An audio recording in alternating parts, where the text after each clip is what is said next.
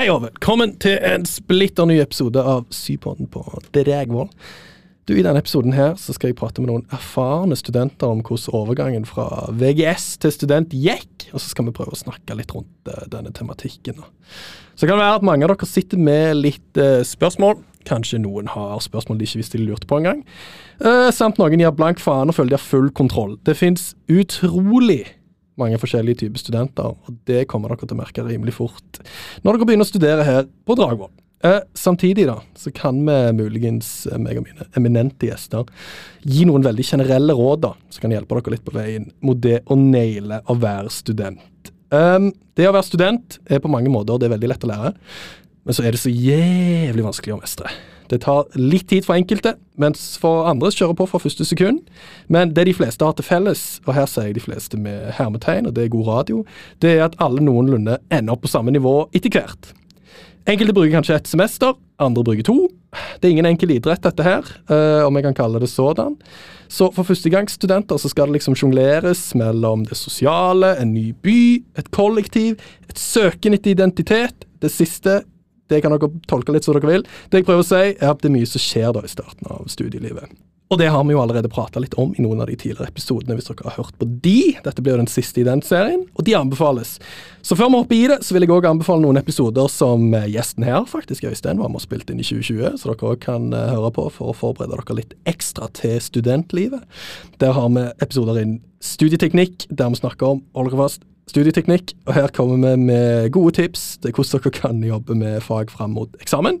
Så har vi en episode om eksamen, og hvordan eksamensperioden og eksamen generelt fungerer. Det som var fokus da, var digitaleksamen og lockdown og sånt, så den kan jo være litt lur å høre på sådan. Og så har vi en episode om studietilværelsen, der vi snakker om hvordan det er å være student her på Dragvoll i psykologi. Øysteins favorittepisode. Uh, og noe av det vi toucher her i denne episoden er kanskje litt likt det dere hører der, men eh, til slutt så har vi òg en episode som heter Veien etter psykologi, som kan være veldig lur for dere som eh, lurer litt på hvordan dere skal utarbeide studielivet fra psykologi og videre ut i verden. Og Her snakker vi mest akademisk og ikke så mye om jobb, men mer hvilke muligheter som eksisterer etter MT bachelor, f.eks., i psykologi. Så til slutt så må dere være forberedt på at noe av det vi sier her kan være kjent fra andre episoder som dere har fått. Men husk at vi presenterer flere perspektiv, og det er bare gøy. Så nå, folkens, kan vi endelig presentere dagens eminente gjester. Så vi kan begynne med deg da, Øystein. En kjent gjerning, eh, en gammel legende her i huset. Fortell, hvem er du? Jo, legenden, myten, trønderen, Øystein. uh, ja instituttets eh, redningsmann, har noen sagt. Ja. Spesielt i metode for uh, yngre elever. En, uh, ja. Yngre elever. Eller I koronahjelpen så var du meget behjelpelig da, mot, uh, ja. mot bachelorstudenter som trengte litt god hjelp med metode. Men det, det jeg kan si om begge gjestene, er at de, de er nettopp ferdig med master. Så de sitter her kjempemotivert. Eller egentlig er de ganske lei, men de er veldig motivert for å på, på en måte gi dere en god start til studietilværelsen. Altså Øystein, du er ferdig med master nå, ikke sant? Ja. ja Læringsmasteren her i huset. Yes. uh, og det gir jo en glidende overgang da til vår andre gjest. Julie, fortell, hvem er du? Hei, jeg heter Julie, og jeg er også nå ferdig med læringsmasteren. Endelig. Og ja, hva mer skal man si? Du var nettopp og henta dine printouts da, for, uh, for masteroppgaven din. Så ja, de var ganske deilige å få i hånd. Sykt sånn fresh bok med hele oppgaven din. Yes. Ja. Hvor mange fikk du? Hvor mange eksemplarer? To. to det er det eneste instituttet betaler for, så det ble to. Veldig gøy. Uh, jeg, lurer, jeg, lurer, på om noen har betalt sånn for ti? ja, det vet jeg at folk har gjort. Hæ? Jeg, kjenner, jeg har ikke ti, jeg kjenner jeg som betalte fem. Hvorfor? De skal gis ut. Til, eller liksom til kjente og kjær, da. Nei, årets julegave. Ja, det, ja, ja, ok. Det er jo en, altså det er jo ingen som kan si nei takk. Til Nerd! Ja.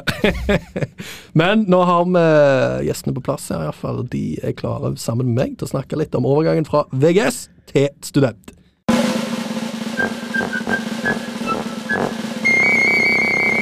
Yes! Uh, da uh, skal vi egentlig bare prøve å snakke litt sånn generelt om overgangen fra, fra VGS til, til, til, det å være student, altså til studier.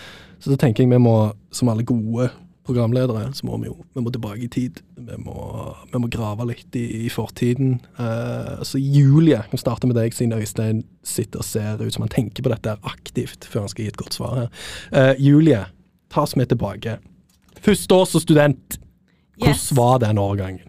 Året var 2016, og Julie var livredd. Ja, Var du livredd? Jeg var faktisk ganske redd, altså. Jeg, jeg følte meg ikke klar for å flytte hjemmefra. Jeg følte meg som en fugl som ble liksom dyttet ut av redet. Ok, Gikk du rett på studier etter VGS, eller hadde du noen år imellom? Nei nei jeg hadde et uh, trygt uh, friår med den klassiske jobbe et halvt år i barnehage, og så reise rundt i Asia og Den klassiske jobbe i barnehage, og så klassisk. Ok, men så hva, Kan jeg også spørre, hva planen Det var psykologi, da? Du søkte på her? Jeg søkte på psykologi, det var planen. Ja, ok.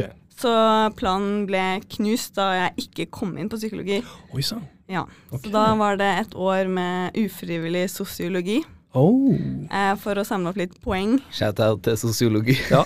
Shout out til Shout out til alle gamle sosiologistudenter og hoppet opp til psykologi. Vi elsker dere òg. Men ja, det, det var liksom første året ditt var sosiologi, da. Ja, si. og um, det hele første året ble bare brukt til å lære seg studieteknikker, egentlig. Altså. Ja. Som jeg følte jeg var veldig glad for at jeg hadde da jeg begynte på psykologi. Som Ok. eh, Det var noe litt vanskeligere faglig, i hvert fall for meg, med psykologi. Så da var det veldig greit å ha et sånn der eh, trene seg-år med sosiologi. Ok, men eh, Så du flytta, du flytta du i kollektiv når du flytta opp her? Altså, Ja. hvordan- Hadde du venner du flytta sammen med, eller hoppet du i det med noen randoms? Hva var, hva var viben der? Jeg kjente egentlig ingen i Trondheim. Jeg kjente én jente, og hun flyttet jeg inn med. Så uh, da sto jeg ganske på bar grunn sånn sosialt. Ok, ja, Hvor bodde dere, da? Var, Vi bodde i Nonnegata, som ja. min mor syntes var hysterisk. Var dere mange, eller var det bare dere to, eller var det kollektiv? Nei, vi var eh, oss to og så en familievenn av henne, da. Ok, Så dere var tre stykk? Ja. Ja, for Det er jo en greie. Du flytter jo inn i realiteten ditt første kollektiv. da. Jo, absolutt. Ja. Mm. Så bare sånn rundt det, da. Du begynte på sosiologi. Du flytta inn i ditt eh, Egentlig ikke førstevalget ditt, men det var andrevalget ditt. Og du flytta inn i kollektiv for første gang. Det var mye greier som skjedde med en gang der. Ja, absolutt.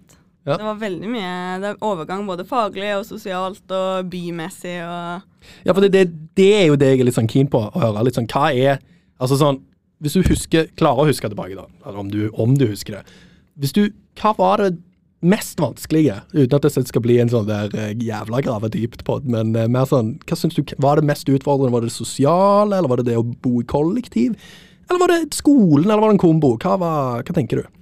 Jeg tror For meg så var det sosiale kanskje det vanskelige, for jeg er veldig ekstrovert og liker eh, å være med folk hele tiden. Så det å skulle bo med venner og andre var liksom bare tipp topp. Mm. Mens eh, den overgangen fra å gå i en klasse hvor du kjenner alle, og, mm, til å på en måte skulle sitte i et auditorium og ikke kjenne alle, og ikke bli sett på en måte av samme eh, mengde Faen. Hva mener du med budsjett? Se på meg! Ja, fordi, ok, For å gi litt kontekst, da. altså Du går fra en liten videregående klasse, da, Mm, der du er hva da, 20-25, mm. uh, og så begynner du i en, et sånn, sånn ultrasvært auditorium, da. Eh, 180 stykker. ja, kanskje flere òg, kanskje til og med. Mm. til inni. Og der har du en miks av årsstudium, profesjon og psykologi. Og kanskje til og med noen som tar valgfag i tillegg. Alle inne i ett giga-auditorium, og der sitter du. Der sitter jeg, og det tror jeg var veldig vanskelig å ikke ha de der trygge sosiale rammene. Folk du har kjent i liksom ti år, da. Mm. Så sitter du der ganske alene. Men du satt vel kanskje ikke helt Du hadde vel kanskje en liten fadderuke først? eller? Jo da, jeg hadde en fadderuke, men den fadderuken er brått over, og da er det liksom Det er overgang, det å skulle liksom sitte på vors med folk og ha drikkeleker og være liksom så close Mm. til å liksom skulle hilse på hverandre ved inngangen av D10. Bare «Ah, hei, hei. Så jeg tenker kanskje en sånn vanskelig ting det er å Du må lokalisere noen kjente fjes inn i det auditoriumet, Mm. og så får du bare springe bort og sette deg ved siden av dem. så da er du i gang, da. Iallfall. Noenlunde. Jo, da er du i gang. Jeg husker jo det at uh, jeg var så mye mer glad når det var på D10 og ikke D15, for da kunne du gå nedafra. Okay, Slik at Du kunne se fjesene Ja. Ah. nedafra. Og så på en måte bare der. Og med D10 og D15 så sier han sånn to store auditoriumer her, da. Der den ene auditoriumet gir deg en mulighet til å komme inn og se opp, istedenfor å komme bakfra og se bakhodene til folk, da. Uten ja, å vite hvem som sitter med. Ja, da må du jo se til høyre og venstre. Aktivt lete etter plass å sitte. Ja, da blir det åpenbart. Kjenner du deg igjen i disse greiene Julie snakker om, eh, Øystein? Ja. Du er jo trønder, så du, du hadde jo kanskje den trygge rammen litt på plass, da. Ja, men jeg tror på en måte at eh, Et problem var jo at uh, jeg hadde så mange kompiser her. Ja, så til og med her i studiet du begynte på. Nei, nå tenker jeg i Trondheim, da. Ok, generelt, da. fordi at jeg liksom Jeg flytta på en måte ikke så langt. Nei. Slik at da blir det fort at den derre som du sier, at uh, du har 170 stykker i en forelesningssal, Mm. og da orker ikke du å ta deg bryet og egentlig skape noen sånn klassefølelse og gruppefølelse med noen navn. da. Nei, fordi at du, hadde, du følte du hadde det, på en måte. da. Ja. noenlunde. Ja. Men for de som kommer sånn som Julie, som kommer, sånn, så kommer fra en helt annen by, inn, der er jo liksom gamet helt annet. da. Så for deg så var det jo alfa og omega, egentlig, første ukene, og Ja, var det, altså. ja, treffe litt. Mm. Syns du det var jævla vanskelig, eller gikk det greit? Altså sånn, For de fleste så går jo det Det går greit, da. Jo da, det går jo greit, men det er en overgang for det. Og um, som sjuåring så har du kanskje ikke de samme sånne der eh, Eller jeg føler jeg har blitt mye mer redd med årene over å gjøre ting, så da var jeg på en måte så gira også.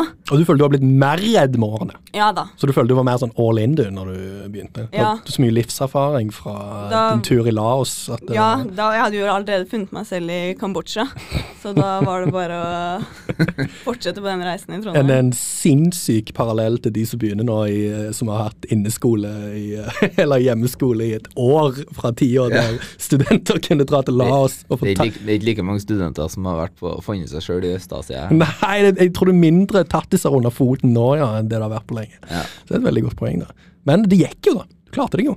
Ja, jeg sitter her nå, Ja. så Og du angrer ikke på den efforten du ga da når du først starta?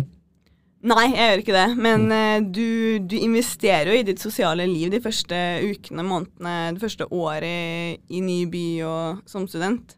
Så eh, må du jo legge inn en innsats. Mm. Og kanskje for folk som er litt mer introverte enn meg selv, så krever det jo mye å liksom skulle by på seg selv hele tiden, kaste seg ut i nye situasjoner og bli kjent med folk. Det er jo det er liksom slitsomt å bli kjent med folk.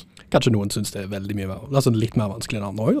Mm. Det er jo absolutt mulig, det. Jeg, jeg tror på en måte at hvis jeg skulle gjort noe liksom noe annerledes, da, så ville jeg prøvd å finne kanskje litt sånn arena og rom der det var litt mindre ansamlinger, er det? Altså samlinger. Ok. Altså på en måte sånn eh, Sånn som kollokvie, for eksempel, da, der Mm. du er kun 20 stykker. Og sånne ting. Der du på en måte har litt sånn større sjanse for å på en måte være litt sånn med færre folk. I stedet for at du skal på en måte romstere deg og finne dine folk blant 200-300 stykk, da. Ja, det er helt sant, det. Kollokvier og seminarer kommer dere til å få god forklaring på, for de som lurer på det. Uh, så det blir jo det blir sånn sagt et ekstra tilbud der uh, det finnes kollokvieledere, så det er tidligere studenter Nei, tidligere studenter. Studenter som uh, går et år eller to over dere, som har ekstra opplegg for dere. Så der kan dere sitte i mindre grupper og bli kjent med folk fra, fra ditt studium. Det har de jo nå delt opp i Det var Øystein med å utarbeide i sin tid. Delt opp til årsstudium og bachelor og profesjon. Har sine egne grupper. Du var jo med i den overgangen der. Meg og deg var med i den overgangen der, faktisk. På kollokvieprosjektet. Så det, jeg tror det er en stor suksess. for Der får du, i det minste, så er det, det er mange muligheter der du kan få, få gode miljø, da.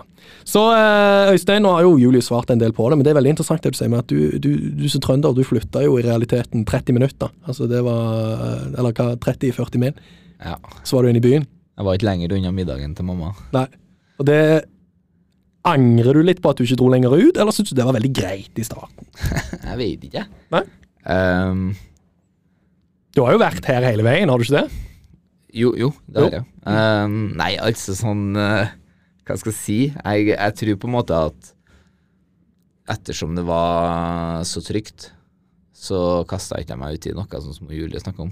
Nei. Men ehm, og, jeg har vel hatt godt av å kanskje flytte lenger unna, sånn at jeg måtte ha gjort det. Mm. Og tatt mer eh, del i et studentmiljø, da. For sånn hva du følte du, Julie, at du var veldig sånn eh, yes man, da? Altså, liksom, altså det var ja til alt, ja til mye. Du var liksom søkende etter liksom plasser der du kan eh, utvide nettverket ditt. da. Så- Ja, veldig. Søkte meg inn i uka også.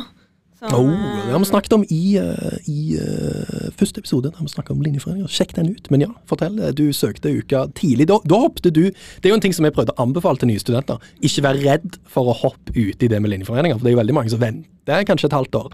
Føler det er mye andre ting de er nødt til å naile. Men du Du hoppet rett i det. Ja, for jeg savnet jo litt sånn eh, det der eh, å ha masse sosiale folk eh, rundt seg. Og da så jeg uka som en mulighet for det, da. Ja, du, ville, du ville ha tilbake Kambodsja-følelsen, det, fellesskapet, altså. Ja. Mm. viben, ja. de gode tattisene, alt liksom i ett. da. Du gjorde ikke noe lignende du, Øystein. Kanskje du på en måte kanskje følte ikke samme trangen? Kan det sies? eller? Jeg eh, var i dusken, da. Oh, Men jeg, husker ikke når det var, om det var andre eller tredje år. eller noe sånt. Dusken, du må forklare hva det er. Det har vi ikke snakket om. under dusken. Ja, Studentavisa for samfunnet. og journalist, eller var du, hva var rollen din? Jeg var, jeg var musikkjournalist. Dæven. Hva du drev og anmeldte, rett og slett. Anmeldte, vet du. Ja, ja, ja. Ja, det var Jeg var ikke der så lenge, jeg var bare et halvt år. Så, så, så droppa jeg ut. Så hvis vi søker på det dine anmeldelser på Under dusken, de, de finnes der ute i Ja, ja, digitalformat. Har en veldig bra gjennom korps, hvis noen vil høre den. Ok, så du hoppte, så sånn, så du, du hoppte egentlig litt uti det allikevel, da?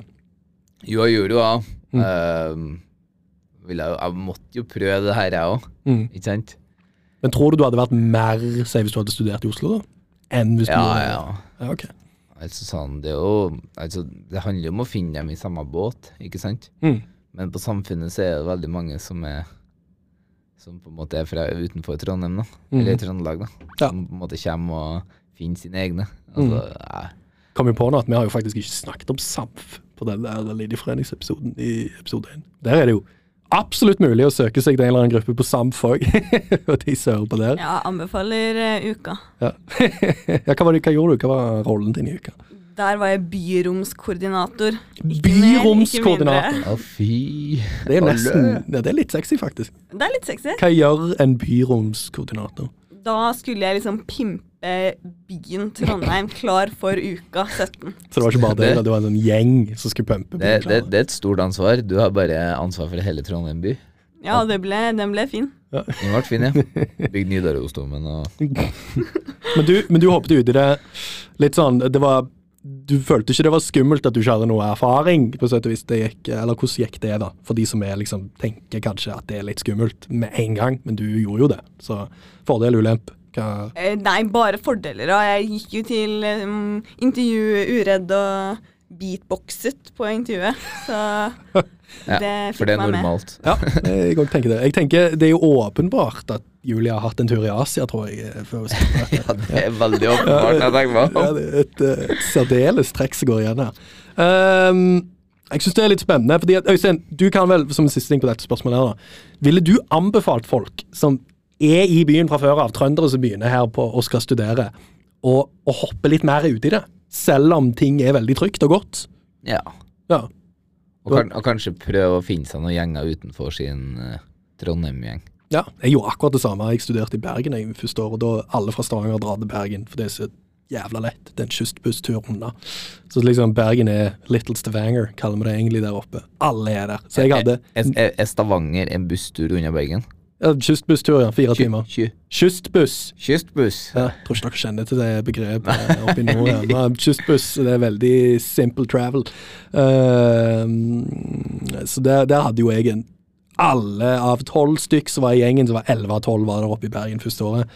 Og det, det, Jeg kjenner meg veldig godt igjen det du sier der. at Da, da gidder du ikke å hoppe like mye ut i det. Fordi at du har jo den samme gjengen som du alltid har vært med. Og det er jo fordeler med det òg, selvfølgelig. Men eh, når jeg flytta opp til Trondheim etterpå, da var jeg litt mer tvungen til å, til å hoppe ut i det. Så jeg vil absolutt eh, anbefale en kombo av Øystein og Julies tilnærming hvis du er fra Trondheim og studerer i Trondheim. Hvis du hopper opp til hopper opp til Trondheim uh, alene nå Uh, det, jo, det virker som veldig mange fra Østlandet spesielt drar opp til Trondheim, da, Julie. Altså, sånn, det er jo plassen å være. Ja, på en måte, men eh, litt sånn som med deg. Alle mine venner dro til Bergen. Ja, Bergen er jo hot, da. Altså, Det var tre gode år, det, altså. Så da, da slo jeg meg trass og dro til Trondheim. Ja, oh, her er det enda mer som passer med tilnærmelsen jeg og Øystein lager om denne karakteren som har vært i Asia. Ja. Ja, så narrative Juli er jo Ja. eh, en podkastserie i seg sjøl, Ja, det, vi begynner jo å nærme oss det faktisk her nå, men uh, det er ok, knallbra. Så en kombo. Jeg vil jo anbefale gjør sånn som Julie. Hopp i det. Det virker bare sånn Du, du angrer etterpå hvis du ikke gjør det. men det. det skal sies også at vi er også her for de som er usikre, som ikke tør å hoppe i det. Nei, jeg ser den, men, det, men ok, hvis vi, hvis vi snakker for de som er på nippet, da. Ja, jeg, Gjør det? Jeg tenker sånn her at um, um, samfunnet Og de her linjeforeningene sånn, de tilbyr veldig trygge rammer. Ja. Og på en måte en forutsigbar uh, vei, da. Det er veldig sånn Sånn som jeg har forstått det, så er det veldig sånn her eh, etablert hvordan ting gjøres. Mm. Slik at når du søker deg inn på en plass, eller på en måte blir med en gjeng og sånn her, så kommer du inn der folk tar vare på deg, Ja. og ordner et eh, opplegg. Stort sosialt opplegg. Ja, som gjør, som gjør at du på en måte Du slipper liksom å tenke Må jeg gjøre det? Hva må jeg gjøre? Eh, blablabla, Sånn, her. sånn, sånn som på psykologi så er det jo liksom Det er null krav. Ingen forventer noe av det. Hvis du ikke er her, så er det ingen som kommer til å Oi, det var- hørtes trist ut. Ja. Men sånn der, så finner jeg litt sånn plass der noen kanskje Ser deg. for, Jeg forventer at du er, da. Ja. ja, men det syns jeg er knallbra. For det tror jeg vi har godt av. Det, det er litt sånn eh, vi, vi tenker jo overgangen til videregående til studier òg. Og den største overgangen er at plutselig er ingen som krever noe. Det er ingenting obligatorisk. Mm. Så- Det er jo egentlig et spørsmål. Det, det er en veldig fin uh, overgang, det, Øystein. Det er derfor vi har Øystein med i denne poden. Øystein er gull, altså. Han er radiogull. Uh, så tilbake igjen nå, Øystein. Du sier det så fint her. For jeg har skrevet 'ansvar for egen læring'. For det, det er akkurat det du sier. Du går, og, og Julie nevnte det litt, du går, du går for trygge rammer. 20-25 stykk. Du har kjent de samme rævhullene i tre år. Dere vet hva det går i. Du er, kanskje mange av de som begynner på psykologi òg. Det er jo egentlig ganske høyt snitt der, og det er et veldig populært studie. Man kan si at de som begynner på, på psykologi, og egentlig generelt de som begynner på studier, de er eksperter på VGS. De, de har naila VGS, de vet hva det går i. De er knallflinke. Men så kommer det en overgang, for det er ikke helt likt. Men nå er det viktig at dere to òg prøver å sette dere i den situasjonen som er at gjengen som kommer direkte til studier nå, har hatt hjemmeskole veldig mye. Så det kan være at de har fått en brå overgang til ansvar for egen læring, mer enn det vi noensinne fikk med lockdown på skoler og være hjemme og hjemmeskole. Så vi kan prøve å tenke litt inn i de banene. Men Øystein, ansvar for egen læring. Hvordan vil du forklare det? Og hvordan nailer man det som student som begynner her på studier? Det, er, det er jo kanskje det største spørsmålet i verden. Ja, det er et jævlig stort spørsmål. Ok, men, men, men breaker det down. Hva legger du i ansvar for egen læring? Hva mener du med det? Uh, nei, det er jo at uh, Altså sånn Når jeg tenker tilbake på liksom sånn videregående og universitetet, og liksom sammenligner de to, så syns jeg Nei, nå skulle jeg til å si at universitetet virker mye mer chill, da. Men, men ok, ja, men fordi at universitetet kan være mye mer chill enn videregående. Det må bare ikke bli for chill, da. Ja, men det er helt korrekt når du ja, sier det. Ja, fordi at hvis du på en måte for I starten så er det sånn her Shit, ah, ok, men da droppa jeg litt uka her. Du prokrastinerer, du bare utsetter litt, utsetter litt, og så til slutt så står du i, i ikke sant? Mm. Uh, men samtidig så er det litt sånn her at det er sykt chill. Når jeg tenker videregående, så tenker jeg en jævla historieprøve i uka og samfunnsfag dagen etter. Ja, for nå er det ikke like mye obligatorisk første Nei, semester. nå er ikke det er sånn viktig å få fram. Du må ikke forholde deg til en slags frist der og frist der. Du har kanskje en halvtårsoppgave du skal levere inn, eh, eller midt i semesteret, ikke sant? Det er kanskje to-tre sånn store Ja. som du må levere inn. Men, Men, uten, ellers utenom det, så er det opp til deg. Ja. Og, og det, er, det er ganske chill, fordi eh, da, får, da kan du jobbe i ditt eget tempo. Og så, ja, jeg tror mange kommer til å få seg en uh, lærepenge om at oi, shit, her må jeg være litt mer disiplinert. Mm. Men tar det et halvt år, tar det et helt år å lære seg det, Mm. så gjør det det. Fortell, Julie. altså sånn, ok, Nå heier vi det rett over til deg her. Uh, men sånn, ok, fortell. Du får en timeplan. Det er det du får. Du får en timeplan. Mm. Tenk deg sosiologi nå. Du får en timeplan. Mm. Eh, I der så står det at dere skal ha så og så mange forelesninger i de og de temaene, og så får du uh, en pensumliste, du må gå og kjøpe bøkene dine, og så skal du lese da det og det til den og den uken. Uh, hvordan takla du den overgangen? Hva syns du om den overgangen? Um, første året mitt så tenkte jeg at når jeg ikke hadde forelesning, så hadde jeg fri. Um, så jeg hadde jo fri flere dager i uken. Eh, og det var ikke, da gjorde jeg ingenting. Ja, for du har ikke nødvendigvis mange forelesninger i uken. Det kan Nei. være uh, Du kan ha En fire. time der og Ja, og de varer sånn to timer. Kanskje hvis du har tre fag, da i realiteten så har du kanskje tre forelesninger da, i uken. Mm. Eller fire, da, for her er det jo 7,5 fag, da. Men uh, ja, rundt fire-fem i Tre til fem i uken, kanskje. Og så har du resten av tiden, da. Så det du sier var at når du ikke hadde forelesning, så mente du at du hadde fri. da. Ja, jeg tenkte på det som fri, jeg. Så da Jeg hadde veldig mye fri første året. Før eh, Sjølerklært fri, rett og slett. Selv Selverklært fri. Før eh, noen, uh, noen i klassen min fortalte at når, hvis de leste åtte timer om dagen, så kunne de ta seg fri i helgen. Og det var så smart. mm. Og da fikk jeg sjokk. Altså, det er jo sånn at de regner jo med studentlivet som en 37 timers eh, Ja, du er 100, jobb. du er 100 student. student. Ja, så det, skal, det er jo regna åtte dager hver dag. Åtte timer, mener du? ja? Nei, ja, ja, ja, åtte timer hver dag. Ja. Da var det noen som fikk rimelig bra sjokk av de som hørte på. Bare, Satan, jeg har det mye. Ja, men, men, det, men det må sies, da. Ja. At det er det ingen Ingen passer som på deg. deg. nei, ja, men Det er ingen som gjør det. Fordi, 28 timer hver. jeg tenker også det er viktig å si her at ja, greit, du føler deg litt eh, Altså Som jeg følte meg veldig sånn her eh, dårlig samvittighet når jeg eh, gjorde som Julie. Mm. eh, ga meg litt for mye fri. Mm. Og så bare følte jeg liksom jeg så alle rundt meg lest. Men realiteten er at veldig mange tar seg fri, sånn som meg og Julie. Ja. Forstår jeg. Veldig mange gjør det. Og det er ytterst få som har det her som en fulltidsjobb å sitte og lese og er sånn der. Så ikke ha dårlig samvittighet for å ta deg litt fri. Nei, Du sa jo, Julie, at det, det tok gjerne et år før du på en måte fant oppskriften som fungerte Mm. for deg. Fant ut at eh, Fant ut effektive måter å lese på. Ja. Hva er det de sier? Work smart, not hard. Ja. Ja, Nå må du hører høre på den ypperlige episoden av uh, på Dragvoll med meg og Øystein til å snakke om studieteknikk sammen med Helene, som har aga som en god vin. Uh, på sett og vis, da, så Øystein vet ikke, husker ikke han har vært med på den episoden. En Strålende episode. Men et sånt generelt tips er jo kanskje ikke å ta seg for mye fri da i starten. Altså, det kan Nei. være en fordel eh, kanskje i, i, i henhold til stress når eksamen nærmer seg. Jo, men, Men- det fins ulike balanser for uh, Altså, det er individuelle forskjeller på det. Ja. Noen uh, må ha alt uh, på stell, og noen må på en måte kan ta skippertak. Mm. Og fra min side, for dem som er som meg, og det er aldri for sent å starte. Det er aldri for sent å starte. Det er jo faktisk en veldig god ting å ta med seg, da. Det er jo egentlig aldri for sent å starte. Nei, nei, nei. Og ikke stress. eh, Det er litt, det er litt sjarm med skippertak i er eh, november og Ja. mai. jeg, jeg, kan, jeg kan gi deg drømmescenarioet her. Du kan jobbe hardt i en måned, ha fri resten, og gjøre det bra. Det går an, og så kan du òg gjøre som jeg pleier å gjøre. Lese litt i uken iallfall. Det hjelper veldig godt for min del. da. Og Julie er kanskje en mellomting. Uh, I don't know. Er det bare, nei. Øystein sier du nei? Julie, skipperdronninga mi.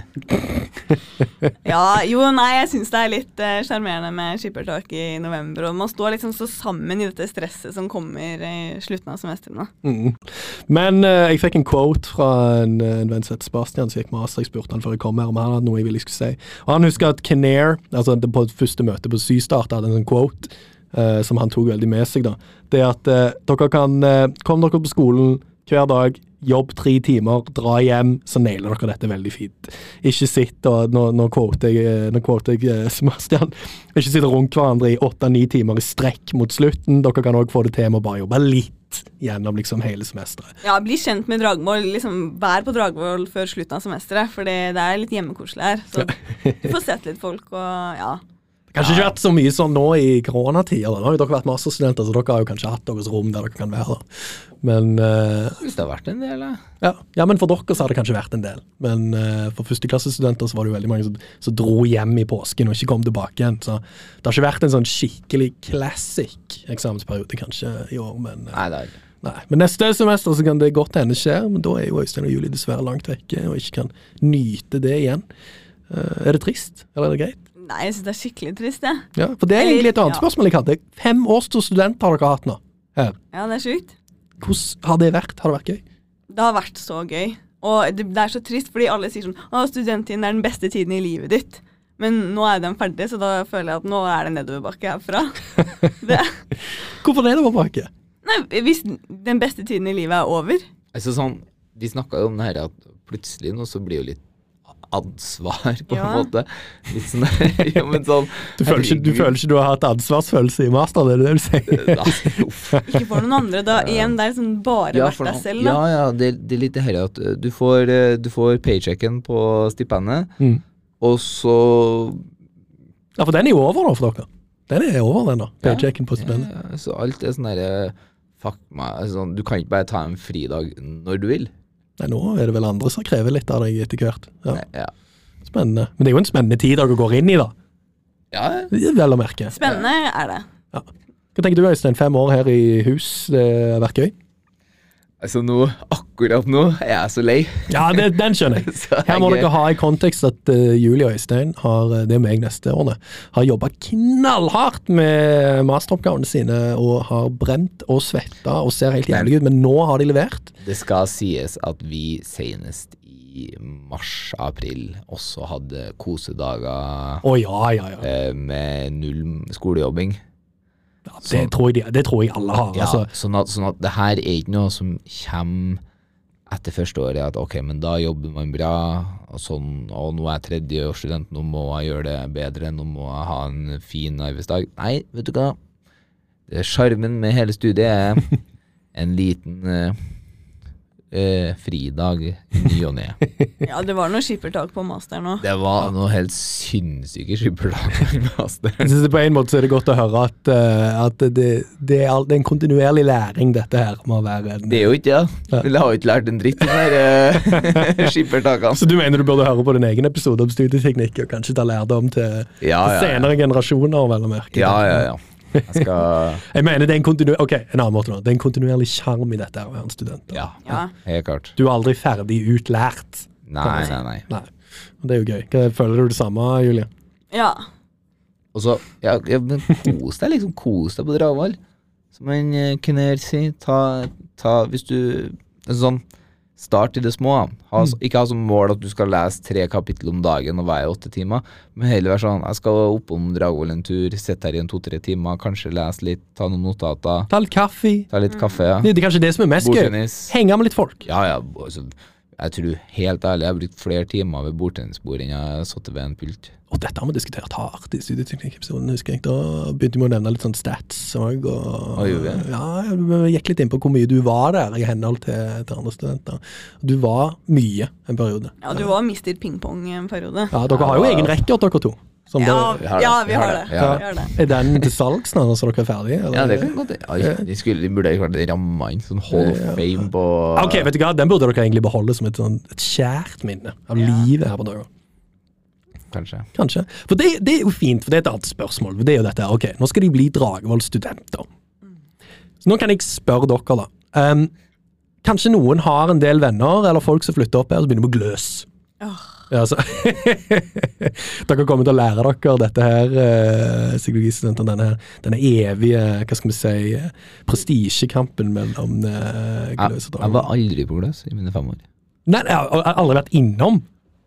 Altså, du har jo vært innom bygget. Ja, to ganger, kanskje. Ja, ok. Men aldri lest eller Nei, nei, det har aldri jeg heller gjort. Ja, faktisk. For det er veldig mange som gjør det. Ja. Men, jeg, du har jo vært på Gløs. Det Ja, det var jo fordi at Dusken hadde eh, møte her, da. Du følte deg faktisk tvungen til å dra på, på Gløs. Ja. Nei, men Spørsmålet mitt er mer sånn at eh, dere kommer til å møte og videre, det tenkte jeg på nå, at denne byen her er jo litt sånn realfagsby. Sånn uh, Trondheim. veldig. Veldig realfagsby. Og så kommer, det, kommer dere til å høre Gløs-studenter si denne quoten til dere i fadderuka. Ah, går du på Dragvoll? Ja, jeg blir så provosert. Ja. For sånn, jeg har hatt fadderuke fem av fem år her. Har du? Fem av fem år, ja. Øystein og Julie var mine fadder da jeg begynte på, på Ja. master. Veldig flinke, flinke folk. Ja, du var et greit fadderbarn Da. Ja, takk skal du ha. Men i hvert fall, og hver fadderuke så er det liksom eh, en kar som har vært i byen en uke, da. I Trondheim, mener du? Nyinnflytta? han har kommet, eh, vært her en uke, og så har han fått høre av en eller annen sånn derre Dragvoll liker vi ikke. Mm. Liksom det Alle de østlendinger i disse eksemplene. Det. Ja. Ja. Og så ha, tar han det med seg videre, og så spør han liksom sånn Å, går du på Dragvoll? Og det er bare sånn Hvem har du hørt av? Syns du det er kult? Har du vært der? Ah, jeg blir så provosert. Han har liksom slukt inn seg. en kultur, Mm. bare vært der i, i ei uke. Mm. I Stavanger hadde vi sagt 'slå til trynet'. Det, Ja, du, du, Dra til trynet. Ja, dra til trynet. Nevemagnet. Men altså, det, det, det, garantert så kommer jo noen av disse nye studentene til å få høre dette på et tidspunkt. da. Eh, hva skal vi si til de? Altså, Dere må jo overhodet ikke føle at uh, drag er noe drit. Det er det jo absolutt ikke. Dragvoll er the place to be. Går du på Gløs, er du psykopat. Nei, jeg ville prøvd å konfrontere, konfrontere dem. Sånn Oi, hvor er det du har hørt dette? Altså, det er en annen ting òg, Ja. at psykologi spesielt er jo Altså, det er jo de som er kongene og dronningene av dette bygget og etter hvert, altså. Vi må jo snakke om også den her, eh, det man konfronteres veldig mye med på psykologi. I hvert fall hvis man ikke går klinisk. Ja, fortell. Ja, Ja, kan du lese hjernen min? ja, ja sånn, ja. Skal du behandle pasienter? Ja, Julie er jo psykolog, så hun kan jo lese hva vi tenker nå. ja, ja ikke sant. Åh, Jeg har lest tankene til folk x antall ganger på byen. eh. På byen og familieselskap, kanskje. Ja. Ja. Mm. Så du, Julia, du hva, Ja, hvor- når skal du begynne å behandle, da? ja.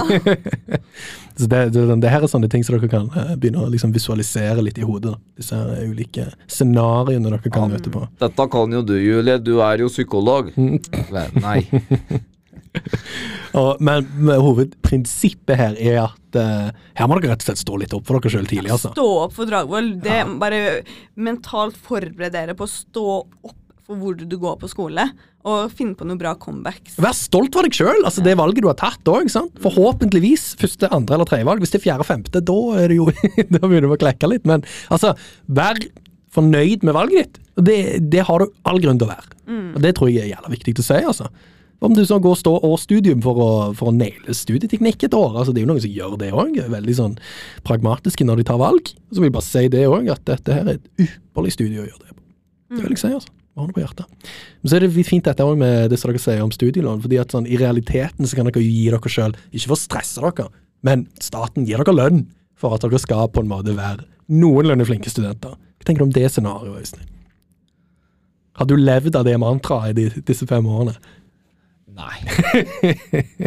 Det skal betales tilbake ganske mye. Ja, det skal det også. Så det er ikke så mye lønn. Det er en, det er en investering, med en, med en, en investering i deg fra staten med en viss uh, Hva skal vi si en viss, Et visst mål. Ja. Ja. Ja. Jeg, vil, jeg vil ikke påstå at det er den mest samfunnsøkonomiske gevinsten eh, staten har hatt, men uh. jo, det vil jeg si at det er, altså. Eh, og så ser jeg bare litt sånn eh, her at jeg har jo hatt et par andre spørsmål. De har vi svart litt på. Sånn. Du nevnte jo litt dette, Julie, med det sosiale første semester. Hvordan håndterte dere det? Det føler jeg jo vi egentlig har svart på. Men eh, vi kan jo bare ta som en sånn ekstra ting. Hvis Altså, det er aldri for seint, det sosiale. Hvis det tar litt tid, så er det Altså, det er alltid tid. Ja, og du bommer ofte gjerne litt de første gangene. Mm. Fordi i starten av fadderuken så ser du liksom Ok, den er kanskje lik meg, den er kanskje lik meg. Og så var det kanskje ikke helt match, så må du liksom begynne på nytt vennskap. Og um, Mm. Det er mange forskjellige folk du skal møte. ja, veldig. Det merket jeg sånn fra å komme fra et veldig homogent miljø på Stabekk, hvor folk er veldig like, til å plutselig møte folk som er veldig ulike meg selv. Ja. Spennende. Blir litt, uh, Få litt dialekter inn i uh, blodstrømmen uh, hjelper jo litt òg, kanskje. Ja, deilig det. Ja, men det, det tror jeg dere trenger. Eh, Jeg tror eh, homogene samfunn i Stabekk mye å lære av å få møte litt Stavanger-folk, Kristiansand-folk, og ikke minst nordlendinger. Nordlendinger er en, en, en fryd og en ære. Ja, det, det er deilig. Ja, ja, mye gode opplevelser med nordlendinger her oppe. De er det særdeles få av i Bergen. Um, og så sier dere alle at dere ble bedre studenter etter hvert, skrev jeg her. Altså sånn, Selv om dere kanskje ikke naila det første semester, men det kom. Altså, Aldri for seint, det heller. Ja, jeg husker første semesteret mitt på um, psykologi, så følte jeg at jeg hadde nailet eksamene. Virkelig liksom gikk hjem til mamma og pappa og bare Det gikk så bra. Mm. Og så fikk jeg tilbake karakterene, og det var det. Oi. Og både mamma og pappa mente jo nei, nå har det jo skjedd noe feil, det gikk jo så bra, men så skjønte jeg bare at standarden er Standarden er annerledes. Ja. Det kan jo henge litt sammen med at du var en Folk som er psykologi har høyt snitt. Du var Folk er dritflinke på VGS her. sant? Mm. Gode studenter, flinke elever. Og så har kanskje Hva skal vi si Det som er forventes av deg, er litt annerledes når du begynner her, så du må på en måte omstille litt. Omstille fra å være en sånn VGS-ekspert til å bli en eh, student. Altså en studieekspert. Mm. Så du møtte den veggen, altså. Men hvordan gikk det andre semester? da? Gikk det bedre? Følte du at Ja, det gikk faktisk litt bedre da, så jeg måtte bare innrette meg litt. Og jeg spurte alltid om um, begrunnelse på karakterer. Ja, det er lurt. Det er lurt. Ikke at det, det kommer så veldig mye ut av det alltid, men ja. av og til noe. Av og til får du et avsnitt, av og til kanskje en setning eller to, eller tre. Mm. Men du følte du fikk litt ut av det, da? Ja, også den derre Det som var så sjokk, var at eh, på at de sier liksom på universitetet du, skal, du kan kunne hele pensum, og det holder bare til C. Mm. Men hvis du klarer å bruke det, så kan du komme opp på en B. ja, det er bullshit. jeg vet ikke om jeg er enig med deg der, altså, mister uh, Øystein. Avhenger jo litt av hva eksamensspørsmål du får, da, vel å merke. Men spesielt nå i disse koronatider så har det jo vært veldig krav om at du må kunne bruke pensum litt i praksis. da. At du må kunne tenke litt sjøl. Jeg tror ikke det er det du prøver å si her. Mm. Altså, at du aktivt kan bruke det du har lest til å f.eks. sette linjer. da. Trekke linjer. Det er sånne ting. Men det, det, det kommer dere til å Det er jo en læringssak, kanskje. Eller hva Ja. tenker du, Øystein? Du, sier, du, sa- du sa det er bull, sa jeg. Hva, hva Det er å eksamen med det nå. Nei, det du sa til, til Julie der, at uh... Du sa det var bullshit, det jeg sa. ja, Så vi vil gjerne ha Ja, begrunnelse. ja, hva faen er jo, det? jo, men det var ikke du som sa det. Jeg gjen, gjenga det. Ja, Ja. men jeg sier ikke bullshit til deg. Nei, ikke gi meg leppa. Her driver vi med radiogull, folkens. Men ja, fortell, Øystein. Det, du tenker at eh, det, det skal gå greit å kunne mye pensum òg, altså? Så det her kommer vel litt fra mer Studieteknikk-podkasten, hvis jeg husker Ja, riktig. Men, Kanskje eh, forskjellen mellom skoleeksamen og hjemmeeksamen òg, da. Er viktig. Ja, ja øh, altså nå jeg tenker jo Altså med tanke på skoleeksamen, egentlig. Fordi Ja. vi hadde jo aldri eh, hjemmeskoleeksamen, skal du si. Nei, for det, det, det jeg, tror, jeg tror folk må innstille seg litt nå. Iallfall første semester, så har jo NTNU sagt at første semester blir en sånn hybrid. Med At det blir litt nedstenging ennå. Det er ikke, de kan ikke åpne 100% så det kommer nok til å bli en del hjemmeeksamen nå neste semester òg, altså. Kan jeg spørre, var sluppen åpen nå i vår? Sluppen er jo vaksinesenter nå. Hæ?! Ja, ja, Det er jo der uh, vi skal vaksinere oss. Vi ligger jo sist i køen med denne gjengen her. her Men Sluppen er jo blitt brukt av vaksinesenteret, så det har ikke vært noen eksamen der. Nei, ok. NTNU-vaksine, altså. Rett og slett. Eh, nei, men det, det jeg skal si, er at um, Altså sånn uh, det, Jeg syns det er dårlig gjort, da, den setninga. Hvilken setning? Kan hele pensum. Ok, Så er Hvorfor det? Hva legger du i det? Fordi at jeg føler at uh, ingen jeg har møtt, og meg sjøl, har kunnet hele pensum. Og det er alltid, alltid noen. Og, altså, jeg har møtt Nei. dem som kan masse, som har fått en eh, E. Og så møter noen som kan lite, som har fått en B. Og så liksom har du liksom sånn en helt grei C. Ikke sant? Altså sånn derre Hva vil jeg med det her, egentlig? Nei, essensen er jo at du, du det, det liksom rekker ikke å bare pugge. Du må kunne bruke det, du må skjønne hva du har lært. Du kan ikke bare gjengi det du har lest i boken, sånn som du i stor grad kunne på videregående. Så er det også kanskje litt det å velge ja, det ut det som er Det er ikke bullshit. ja. ja, nå er du enig med Julie. Du må klippe Ja, bort det der. Klipp deg. det. Jeg kommer Ja, det- ikke til å klippe ut Jo, den må- må nydelige klippe diskusjonen. Jo, jo. Julie får alltid rett, altså. Jeg får Julie får alltid rett. Du har aldri vunnet en diskusjon. Men jeg tror kanskje Aldri. For å redde, for å redde Forholdet. så vil jeg bare si at eh, det er vel kanskje det òg det du sier, Julie, er du må bruke riktige deler av pensum òg. Ja, Ja, du det er må viktig. klare å skille hveten fra klinten. Den, eh, nå, nå er du god. Nå Nå er nikker vi du. Ja, Julie har egentlig nikka mye i episoden. Men det, det er vel kanskje det vi legger i det. Mange som kan pensum inn og ut, Mm. men så har de kanskje nevnt veldig mye som er utrolig irrelevant for det de egentlig spør om. Mm. Er det kanskje der vi lander, da? For de som er flinke. Og det, det er jo det liksom, å, svare godt på en eksamensoppgave som første semester, så kan jo det være litt vanskelig. da. Mm. Finne den balansegangen. Ja. Du kan jo si der at det er veldig mange som tar opp førsteårseksamenene fordi de misforsto litt taktikken. da. Og det, det er jo helt kurant. Og det. det, ja, og det, sånn at når du får den her eh, første D-en din, Mhm. som tilsvarer på en måte en, en treer på videregående og sånn her Ja, og det kan skje. Det ja, kan absolutt. Det kan skje liksom sånn her at uh, det mm, Ikke mist håpet, tenker jeg. det, det er veldig fint du sier det, Øystein, for det burde vi egentlig si. Det er null krise, det. En det er ikke krise. Ja, ja. Alle, har en D i skapet. Ja, Ja, ja, ja, ja absolutt. Jeg òg. Absolutt alle andre i skapet. Men eh, altså, det er jo litt tungt å få den med en gang. Og hvis noen sier noe annet, så lyg de. Ja, det tror jeg faktisk. Ja. Da, det, det, det er jeg helt enig med deg i, Øystein. Det er litt sånn, nå, nå nikker vi. Vi har funnet ut personlighetstypen for de som drar til Laos og Kambodsja, men òg folk som sier de aldri har fått en D. Det er bull. Og folk som skryter av hvor lenge de sitter på lesesal. Ja, det er Ja, du tenker det òg er Ja, ja, ja. ja, ja. Ja, det er Eller de hvor mye de som har gjort, da. Hvor mye de har gjort i uke tre. Ja. Det, det er løgn. Altså, sånn, altså, sånn, ja, det finnes to av, um, to av 50 har gjort det, men de 15 andre som sier det, de er bare bullshit. Ja, ja, men jeg tror du er inne på noe. Ja, ja. Men sånn, for, for spøk til alvor, altså null stress hvis du får en det.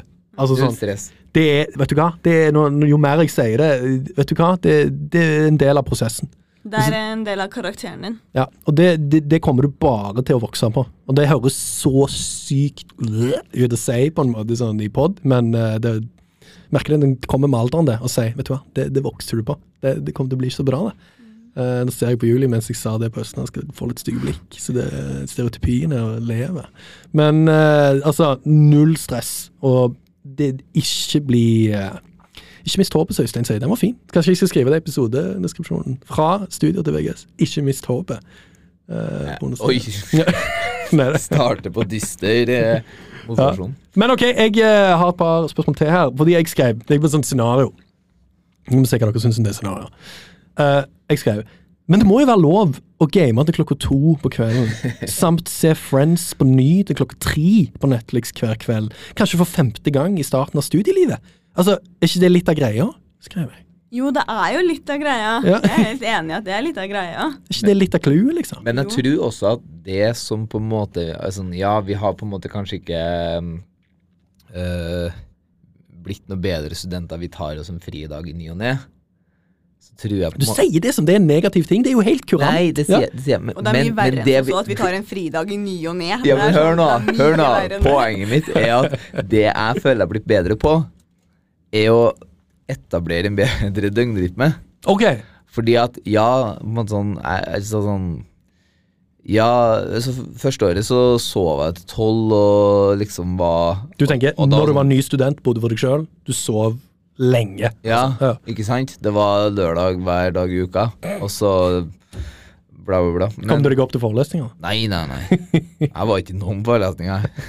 Her anbefaler vi definitivt å prøve å komme dere på Ja, del ja. Øystein har lært av erfaring, men ja, fortsett. Jo, men sånn derre For meg så knakk det når jeg eh, opparbeida meg en Eller innarbeida meg en god Du sa knakk, hva mener du? Du knakk hoden? Er det det du Knakk mener? koden for Ja. hvordan jeg på en måte skulle eh, i enda større grad mestre studentlivet. Ok, Og det var gjennom døgnrytme? Døgnrytme, ja. liksom. Men hvordan, hvordan endret du døgnrytmen din?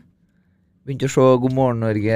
Oi, god morgen, Norge! Å, nå ble det Piffipod. Nå, er- nå, Nå er det skjønner folk at vi er gamle. Ja, dette er sånn P4. Nå, nå glir vi. P13 Rock. Ja, god Nei men, nei, men seriøst, altså sånn um, Stå opp uh, halv åtte-åtte. Det er ikke så grytidlig, det heller, liksom. Nei, det er helt kurant, det. Og liksom eh, ta deg en god kaffekopp. Altså Tenk sånn at i morgen så skal jeg ha meg en halvtime der jeg kun koser meg.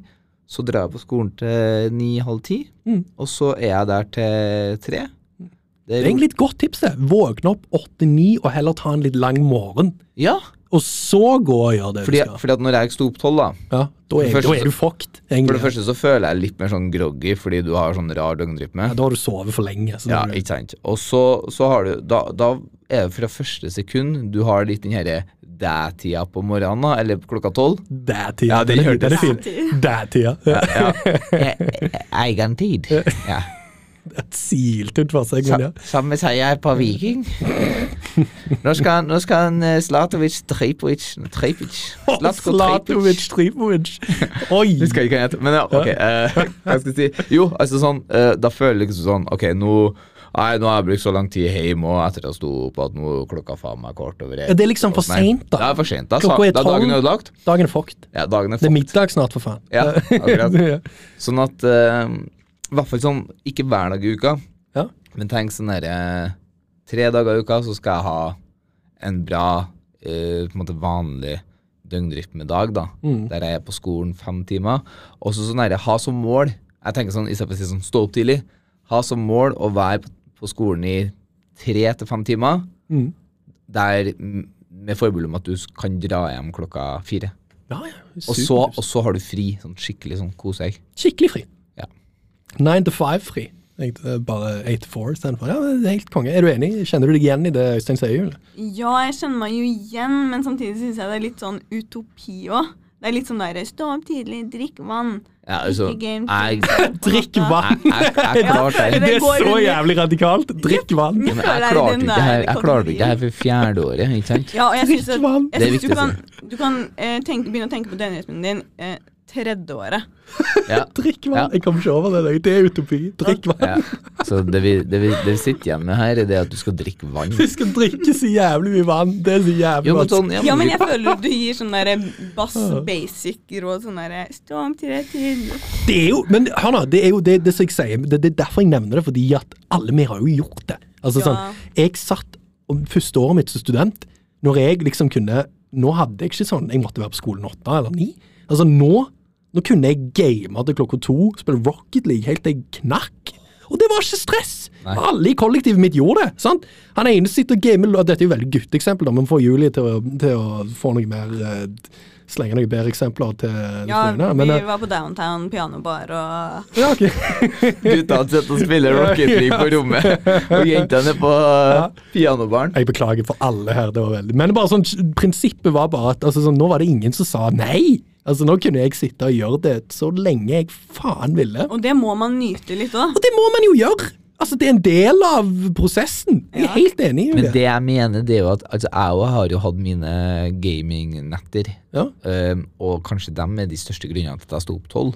ja. Så jeg, jeg, jeg vil jeg prøver å si sånn må her, finne balansegangen. Ja, men sånn, herre, sånn, altså bare, Jeg tror på en måte du kan ha akkurat samme døgna som jeg og du har, bare på forskjellig måte. Ja, ja. Sånn at I stedet for at du gamer da til to, så starter du to timer tidligere og legger deg elleve og står opp eh, klokka ni. Jeg er, jeg er helt enig. Ja, Jeg liker at vi, ble sånn, vi gikk litt ned, sånn NRK P2, sånn, og så står du bare opp litt tidlig. Sånn, to timer før. ja men så, sånn er det sånn, bare, bare tenk at du skal gjøre akkurat det samme som du gjør nå. Ja.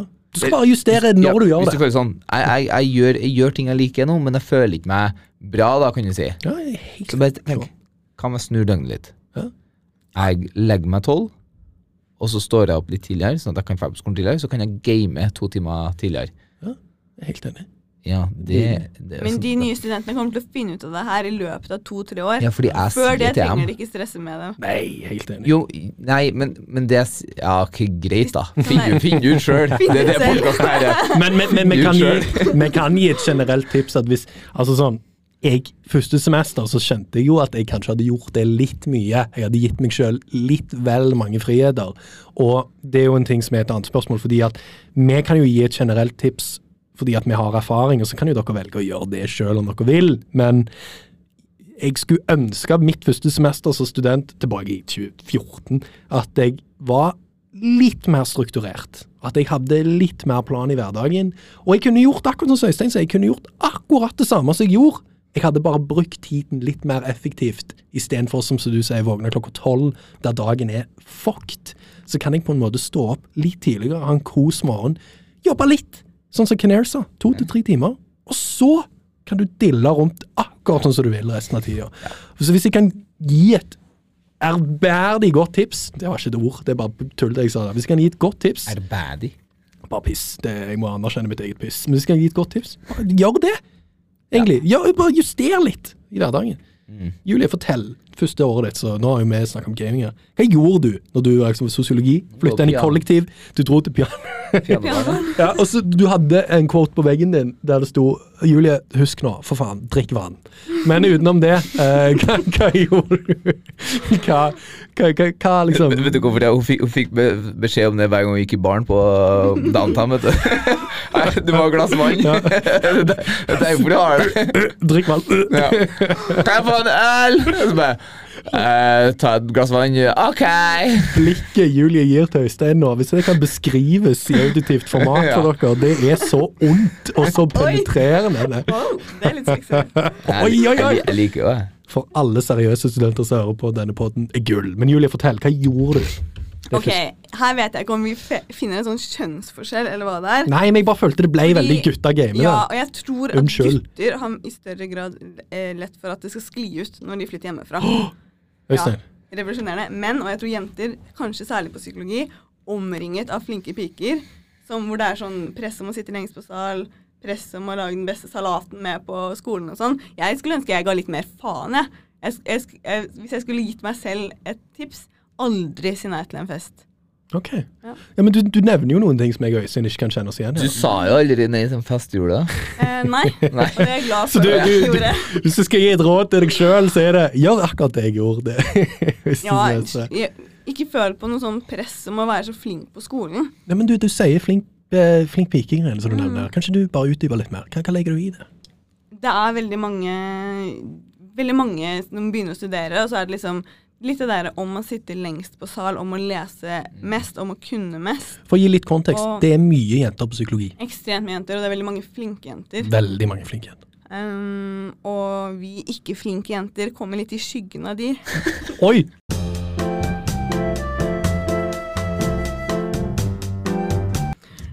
litt sånn der eh, at Jeg tror jeg kjente mye på dårlig samvittighet for at jeg ikke leste nok, at jeg ikke leste like mye som eh, folk i klassen. For du følte at de gjorde det? Ja, og litt sånn som vi sa tidligere, at utad så leser alle dritmye og kan dritmye. Det er for det er det du tenker at folk gjør.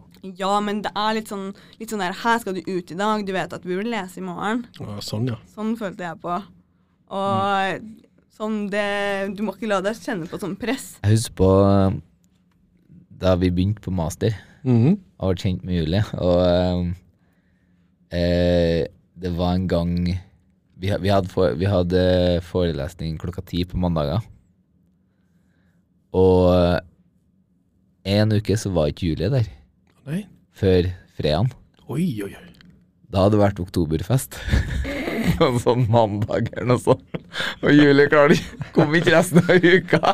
Jeg høres ut som en sånn derre Og Julie, og Julie fikk B og 3A den høsten. Ja.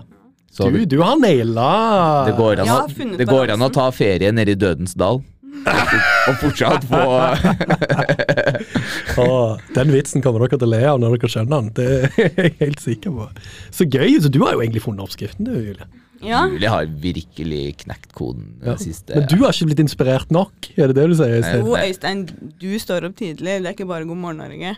Du har Nei. blitt inspirert. Kan vi slutte å si god morgen òg? Jeg føler folk hører god morgen og så skrur de av. De bare sånn, de kan ikke relatere.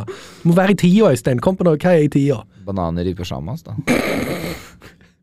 Bananer i pysjamas de... Da tror jeg vi mista enda flere. Men ja, øh, jeg er egentlig, så du Nei, men- burde skrevet bok, altså. Eller nei, hva skulle du si? Jo, jo, men sånn, jeg tror på en måte at vi kanskje Det virker jo som at når vi starta, så på en måte var vi eh, På en måte kanskje litt Nei, hva skulle jeg si nå?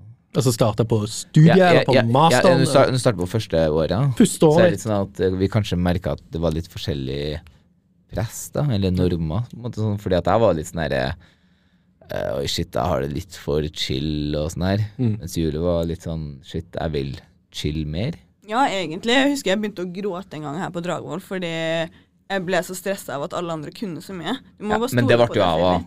Det ble jo jeg òg. Ja, Gråt du også på Dragvoll? Nei. eh, det gjorde ikke jeg. Men, men, men, men jeg, jeg, tror, jeg tror egentlig vi tenker samme når jeg tenker meg om. Fordi at jeg tror begge liksom så veldig mye på de her som gjorde det, i hvert fall utenfra, da, veldig bra. Som hadde veldig struktur i det de leste og sånne ting. Og så står vi her sånn her, men faen, jeg vil jo ha et jeg, jeg, sånn, jeg vil ikke gi bort for mye av det jeg er glad i i livet mitt. mm, Og så tror jeg egentlig på en måte hovedbudskapet er jo at for det første så nei, majoriteten gjør det egentlig ikke så bra som du tror, i struktur og sånn. Ja. Nummer to, det skal ikke så mye til før du finner en fin balanse mellom at du kan ha de feteste livene i året ditt med masse fri og drikking, mm. og fortsatt naile studielivet. Mm. Det er kjempebra. Jeg liker veldig godt det du sier, for det er viktig. Alle er jo egentlig like. Ja. Altså sånn, Ja, ja. de, de, de fleste er Du hører folk som Jeg er helt enig i det dere sier om at folk er sånn Gjeri, gjeri, gjeri, jatt, jatt, jatt. Ja. Hele gjengen er i bunn og grunn Altså, alle er den samme jævla En viktig ting til. Når du sitter i forelesningen her, Ja. altså han derre fyren som rekker opp handa og spør et sånt jævla spørsmål For han fins uansett. Han finnes. Han er Han han. faktisk. Og du Ja, er sånn, er sånn hen, da, skal Ja. si. Men sånn hvis, hvis, det, hvis det er 100 stykker i salen her, og det er en som rekker opp handa og spør et sånt eh, fancy spørsmål, som måtte måte bare foreleseren klarer å svare på, som sikkert tenker sånn sånn, Hva faen er han, og hvorfor spør han så vanskelige spørsmål? 99 av andre som sitter her, tenker jeg skulle ønske jeg var som han når jeg Eller sånn Jeg kan, jeg kan ikke det der, jeg. Nei. Skjønner du? Du skjønner ikke hva han spør Ja, om alle tenker samme som deg. Ikke bli stressa av han, er det det Nei, du du skal ikke bli stressa av han som rekker opp hånda. Han skal bli stressa av deg. En god livskvote. Ja, det, det, det, det kan jo være en sånn der eh, Ja. Spesielt denne, denne her, eh, vi snakker om det, vi kan jo igjen gå inn i denne auditorieformatet. Liksom, formatet. og nå er jo sånn at hvis det blir digitale digital hjemmeskole og folk må sitte på Zoom, det kan jo dere, så det trenger vi ikke å fortelle dere hvordan det funker. Hvis men ikke kan dere høre litt på noen av de andre episodene der vi snakket litt om det. Men Jeg liker at du reklamerer sånn. Litt sånn digresjonsreklamering. eh. jævla viktig, altså. Ja, så du vil snakke om det her. bare Husk på Zoom, husk på Ja. Zoom-podkasten. Den er Ja. også tilgjengelig og ute på alle plattformer. Nå. Fem, plat fem plattformer, faktisk. Fem plattformer. Jeg skal jo være med disse her elevene til neste semester. Lage pod til de i fag. Sant? Så jeg må jo selge meg inn her. Igjen.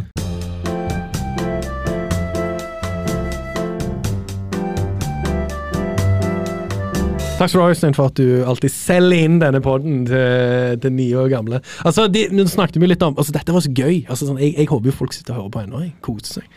Vel, ja. Det er en naturlig god vibe inni dette rommet her. Men eh, nå har vi jo nevnt litt, uh, så vi kan bare ta sånn OK, Julie.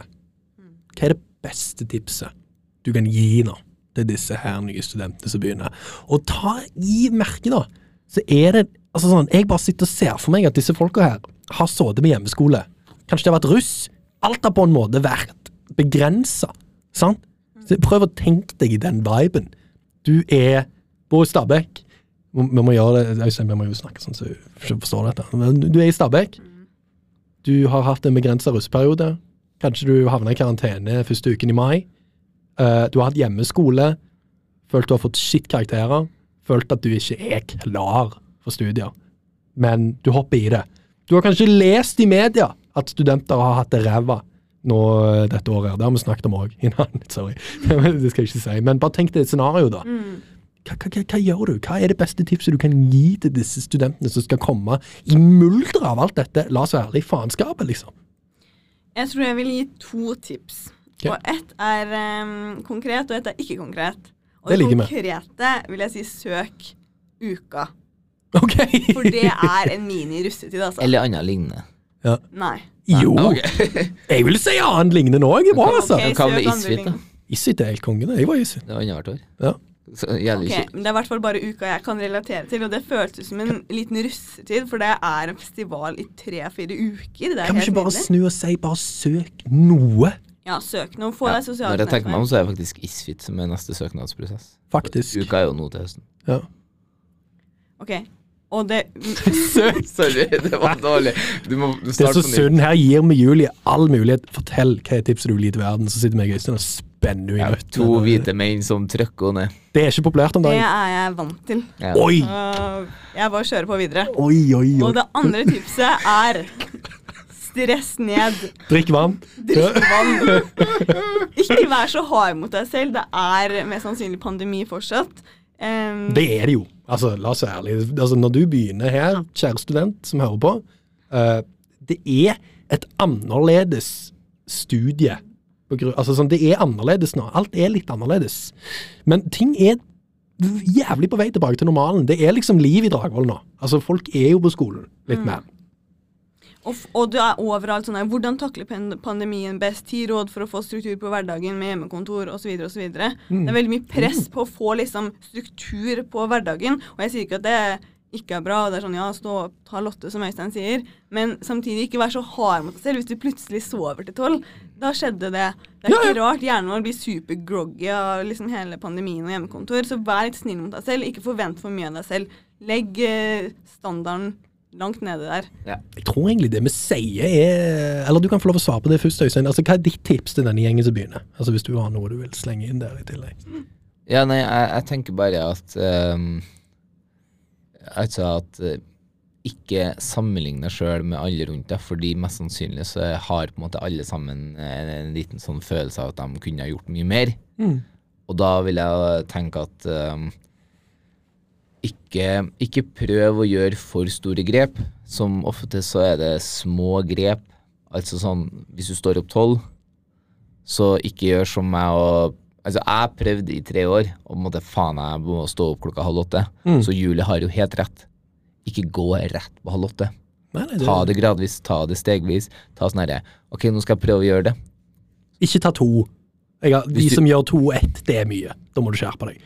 Tolv. Ja, ja. ja. Men sånn, som sagt, altså sånn uavhengig av du, hvis du står opp klokka x, Mm.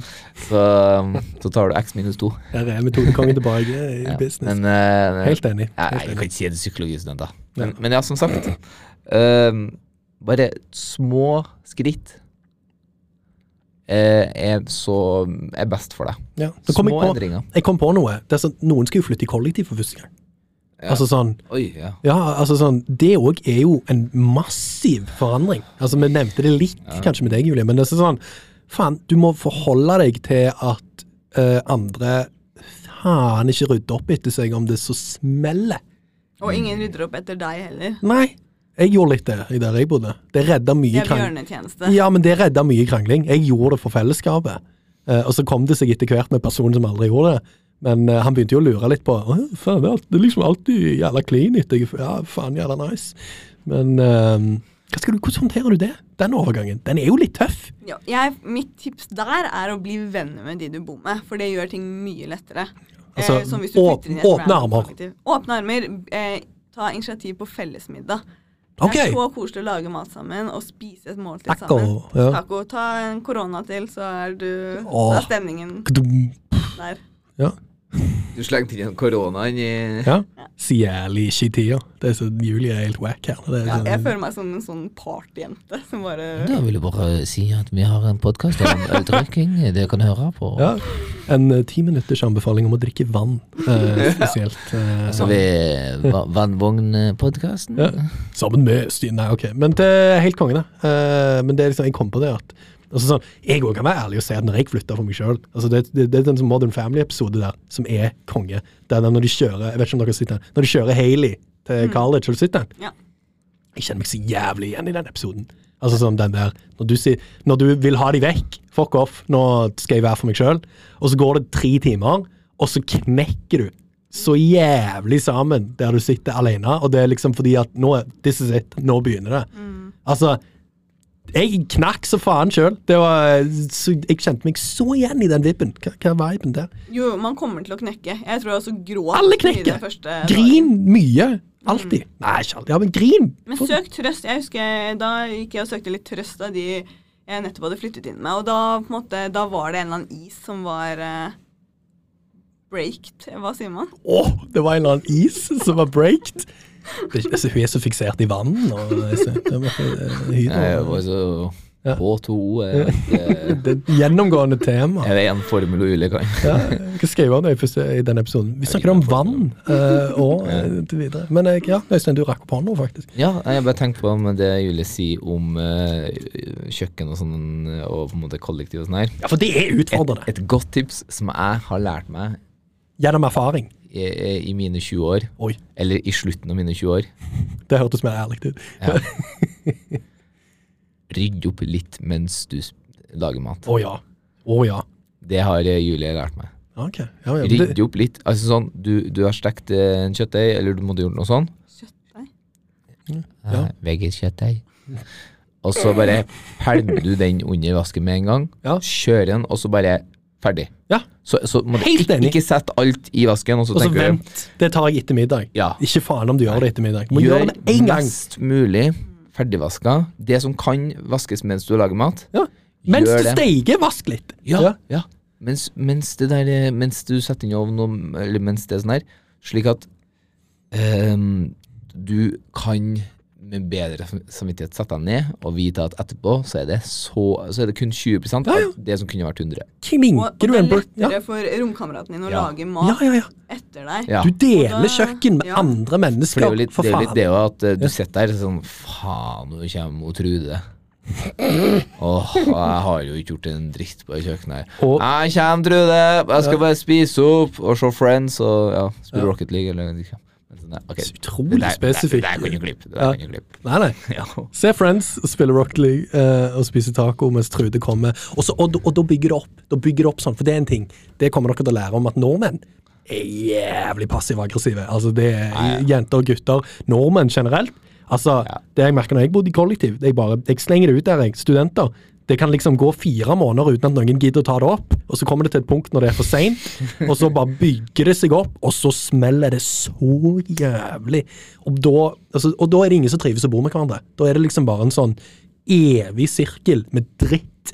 Du hater den personen fordi den personen aldri gjør, og så tenker den om deg at du heller aldri gjør, og det er ingen som snakker med hverandre, og så er det bare alt er drit. Og så kan du si det. Du kan liksom ikke si sånn Jo, men nå har du i fire måneder Fire måneder så har ikke du vaska den panna godt nok. Nei. Sånn. Ok, hvorfor har du Fire måneder har ikke du drukket Nei. vann. Nei. nei. Kun Pepsi Max. Ja, hva er det du drikker istedenfor vann? da? Altså, det har vi ikke spurt om. Nå har vi sagt det så mye at vi må nevne det. Nei, jeg drikker vann. Hun drikker vann. Ja, men her, drikk mer vann, sa hun. Ja, ja jeg med, ok. det, er, det er det tipset mitt til andre her. Ah, ja, ok, du bare liksom dehydrerer deg sjøl, basically. Drikk mer vann. Hun sa ikke drikk vann i stedet. Ja. Ok, så ja, Det var fint at vi fikk oppklart, for de som lurte på det. Men altså, det det, det kan jo ta så jævlig mye mental energi å bo i et kollektiv. Uh, Iallfall første året, da. Ja, Øystein gjesper og klør seg i øynene. Ja, husk på at det kommer en pollensesong eh, på våren nå. Ja. Ja, det, du tenker det er et godt tips å slenge inn? Altså, det er pollengreier. Altså, det er helt sykt. ja. Men det, altså, hadde dere noen sånn skikkelig klinsjer i kollektivet når dere bodde i? Altså sånn eh, Snakker dere av erfaring, eller er det Ja, nå bor jeg jo med fem jenter, Oi! eh, og har gjort det i fire år. Hvor mange Jeg kvadrat? føler meg eh, 100 kvadrat til sammen. Så det er liksom nok kvadrat at dere kan sitte og være sure for dere sjøl? Ett bad! Mm. Én dass, Én do, ett bad. Ett bad. Det er litt sånn derre du Utopi. Du, du tenker sånn Å, nå må jeg tisse, og så hører du bare og, og dusjen, og så er det sånn Faen. Nå, øh, nå må den, jeg holde meg. den der kjente jeg meg igjen i. Den der 'nå går låsen igjen', eller Ja, 'nå går du, du, legger, du legger liksom om morgenen, og så er det sånn her Åh, nå, nå må jeg bare opp, for nå er jeg så besetrengt om morgenen. Ja. Så er det bare åh, Nei da. Ja, og vi er fem jenter, og på det meste så tror jeg tre av oss har hatt kjærester. Så da har det Og liksom da bor jo de òg der. Ja, ja, så da har vi vært åtte stykker der om morgenen. Så det har vært kaos. Da må man bare være hensynsfull og Ta en Thunberg og dusje sammen, iallfall. Det er det ingen tvil om. Ja, spar vann. Ja. Drikk vann, spar vann. bare, Drikk- vann! sa, sa den hviteste mannen ever. Ja. Ta en Thunberg. Er jeg den hviteste mannen ever? Jeg sitter med sixpence, det er ganske kvitt, egentlig. Ja, det er ganske Det er det. Ja, det er ganske kvitt. Det er kritthvitt, det. Det er det ikke! Det er sånn blåkvitt. Blåhvitt. Ja, en brit, britisk kvitt. Ja, det er sant. Det er sant. Ja, Fish and chips-kvitt. Ja. Ja. Uh, tror vi begynner å nærme oss, jeg, altså. Ja. Jeg, eh, jeg har jo kjøpt disse to eh, for en Pepsi Max i dag, egentlig. At de har eh, valgt å gi litt av tida si for å være her. Ja. Eh, hvis det er noe dere kommer på kaffe egentlig. Ja, det gjorde jeg egentlig, men så ble det en svimdyre Rapido uh, Lane. PMX istedenfor.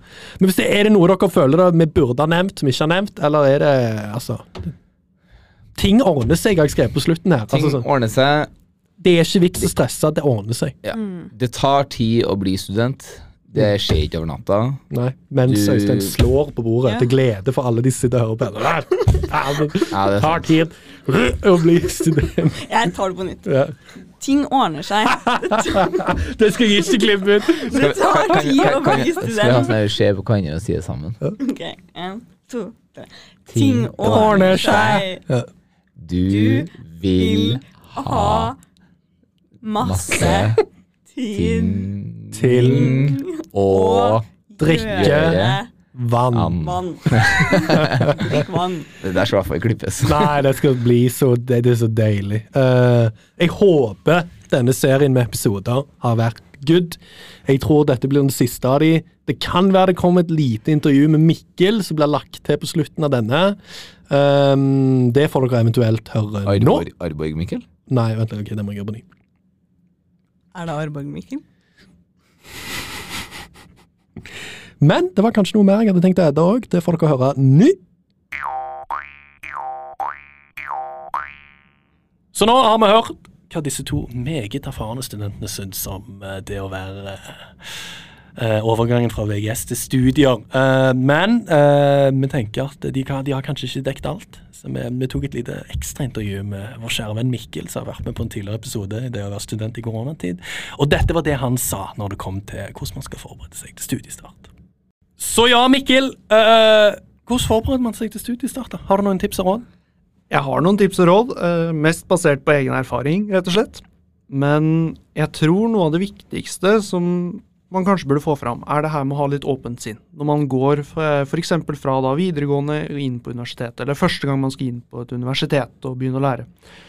Fordi selv om det kan være at man, man kan lese i media om at studentene mener det og det, studentene gjør slik og slik, så betyr det ikke nødvendigvis at det er slik det kommer til å være for deg som hører på akkurat nå. Og det kan være en god tanke å ha med seg at studiet som du har valgt, ok, jeg veit på en måte tittelen på studiet mitt, f.eks. i vårt tilfelle, da, psykologi. Man Psykologi. Nei. Ja, ikke sant? jeg tror jeg skal bygge opp den. si.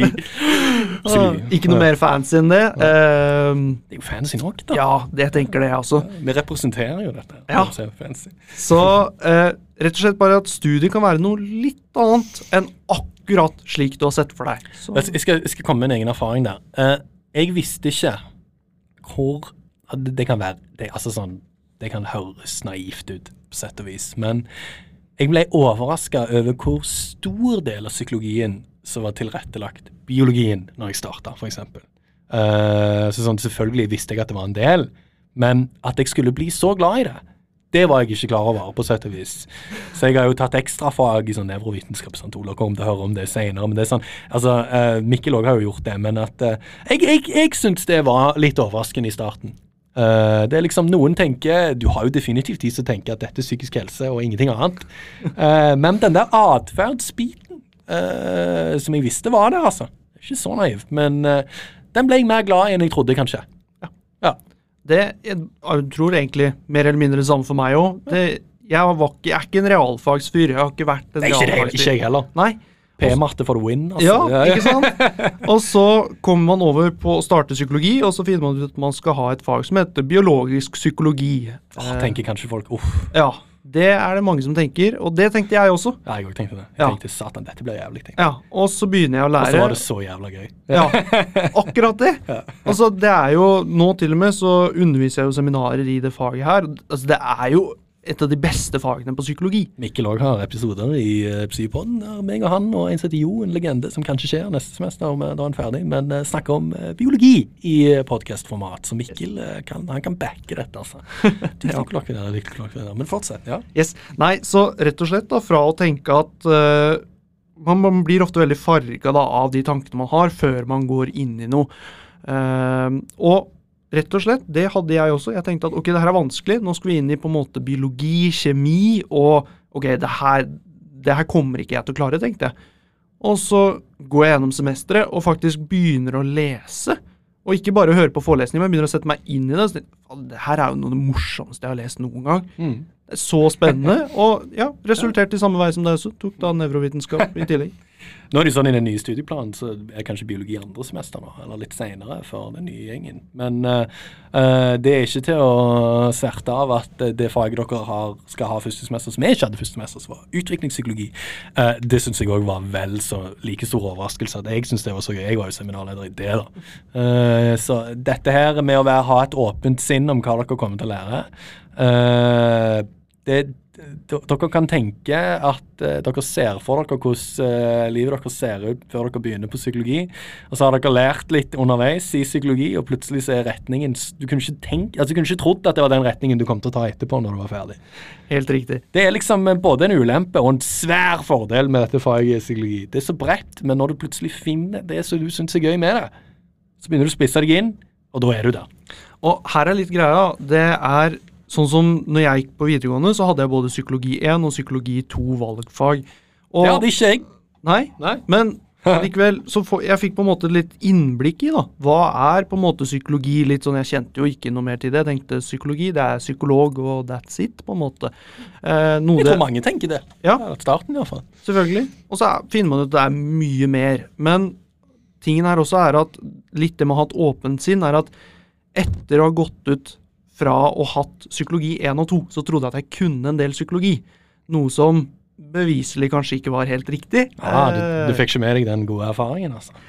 Jeg fikk med meg litt introduksjon, eh, og så er, legger det et sånt greit Freud. grunnlag. Ja, Freud for eksempel. For Du kunne, du kunne name-droppe eh, et par kiser her og der. Ja. ja. Peder Kjøs. Nei. Den running joken hvis folk har hørt på episoden. er Jeg beklager, Peder Kjøs, hvis du har hørt på og føler jeg sverte ditt navn. Jeg gjør definitivt det motsatte. Jeg lærer folk om ditt navn. Men ja, fortsett, Nick. Nei, så rett og slett bare det har et litt sånn åpent sinn, og selv om man tenker at ok, har, sånn som for meg, så tenkte jeg jeg har litt kunnskap innen psykologi, og selvfølgelig har det å ha hatt psykologi 1 og 2 hjulpet meg på enkelte steder gjennom uh, universitetet òg. F.eks. når jeg sitter og diskutert med en annen roommate av meg også, som studerer psykologi. Og når vi har sittet og diskutert, så har jeg hatt litt grunnlag for å lære f.eks. Freud, da, og kan liksom komme litt uh, tips triks. med? Name-droppe litt da. Skal jeg name-droppe litt? Jeg bor med sju andre, så jeg bor med ganske mange. Jo, men Hvem er det han du kjenner fra psykologi? Det har vi vel ha her. Hva- Hun jeg sender fra psykologi. Ja. Ja. Malin heter hun. Malin. Yes. Name-drop Malin. Mm. Halla, Malin. Hva skjer? Nei. uh, jeg ser òg du har skrevet Ja, vi har jo snakket litt eh, på en annen episode som vi snakket dette om uh, den første episoden som Mikkel var med på, nemlig dette med å være student i koronatid. Så har vi snakket om dette med prokrastinering uh, og skippertak. Spes altså, spesielt dette, i har diskutert litt det der, så dere kan egentlig høre på den uh, hvis dere trenger litt mer info på den. Men du har også skrevet eh, 'Dette er ikke VGS'. har du skrevet. Ja. Hva mener du da? Nei, det er en litt annen hverdag enn det å gå på videregående. Altså, nå får du så mye mer ansvar selv. Altså, du får ansvar for egen læring i mye større grad enn det man gjorde på videregående.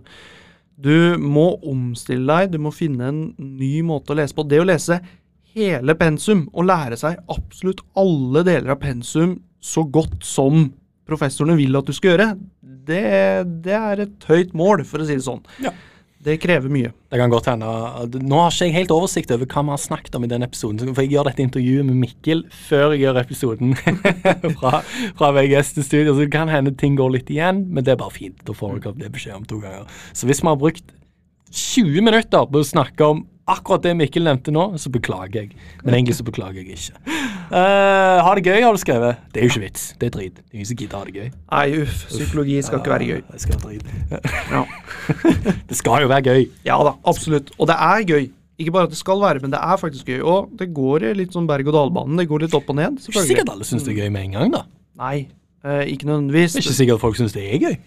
Nei, men sånn etter tid, det kan godt være at det ikke er det rette heller. Du må ikke tvinge deg sjøl til å synes det er gøy hvis det ikke er gøy. Nei, Men du må iallfall gi det sjansen til å bli gøy. Ja. Ofte så Jeg har jo en slags teori om at, eh, at eh, med, med mestring så kommer trivsel. Ja. På sett og vis. eh, men noen tenker kanskje omvendt. Hvis du skal få til Hvis du skal få til trivsel, må kanskje ha trivsel på plass først, før du begynner å mestre. Eh, Muligens. Jeg vet Ja. ikke. Nå ble jeg litt for filosofisk for meg sjøl igjen. Jeg husker ikke engang om dette poenget gir mening. Men med mestring så kan trivsel komme, iallfall. Ja. Så det, det er jo litt sånn for mange òg. Altså, plutselig så begynner du å forstå det du snakker om. Plutselig så ser du linjer som du ikke så før. Plutselig så forstår du at psykologiens historie ikke er så drit som folk skal ha det til. Og så er det sånn Dette var egentlig ganske interessant. Så du skal jo lære å broaden the mind, det er poenget. Det, nå, nå tar dere høyere utdanning. Det står noe respekt i det. Uh, er er respekt som jeg kanskje har litt lyst til å diskutere i denne episoden, det med fra VGS til studier, men ehm, kanskje høyere utdanning over tid nå i Norge kanskje har mista litt den respekten den fortjener. Ja. Så kom inn med Ta det i behold om at uh, her skal dere broaden the mind, lære mye nytt. Det kan være vanskelig i starten, men plutselig så sitter det, og da kan det være det er knagende gøy. Hvis ikke, så er det helt greit, det òg. Mm. Helt greit. Og det også være litt klar på å bli eh, miljøskadd, som vi sier. Eh, det er et poeng som jeg ofte forteller studentene. som hva mener du med det? Og- Ja, altså, de som på en måte kommer inn på universitetet og har ikke så mye kunnskap innenfor nøyaktig det de skal eh, studere, så blir det ofte at man går veldig mye faguttrykk. da. Man lærer veldig mye av ord og uttrykk innenfor sitt domene, altså det man studerer, som på en måte man bruker i daglig tale.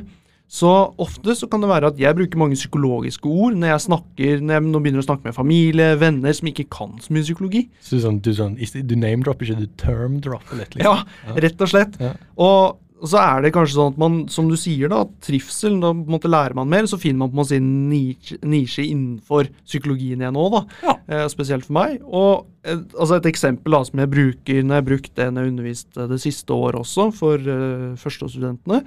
Og det er jo, altså som det sikkert har blitt nevnt, og gjennom andre podkaster òg, jeg er veldig glad i biologisk psykologi og nevrovitenskapen. Og Det har vi aldri hørt om. Nei, ikke sant.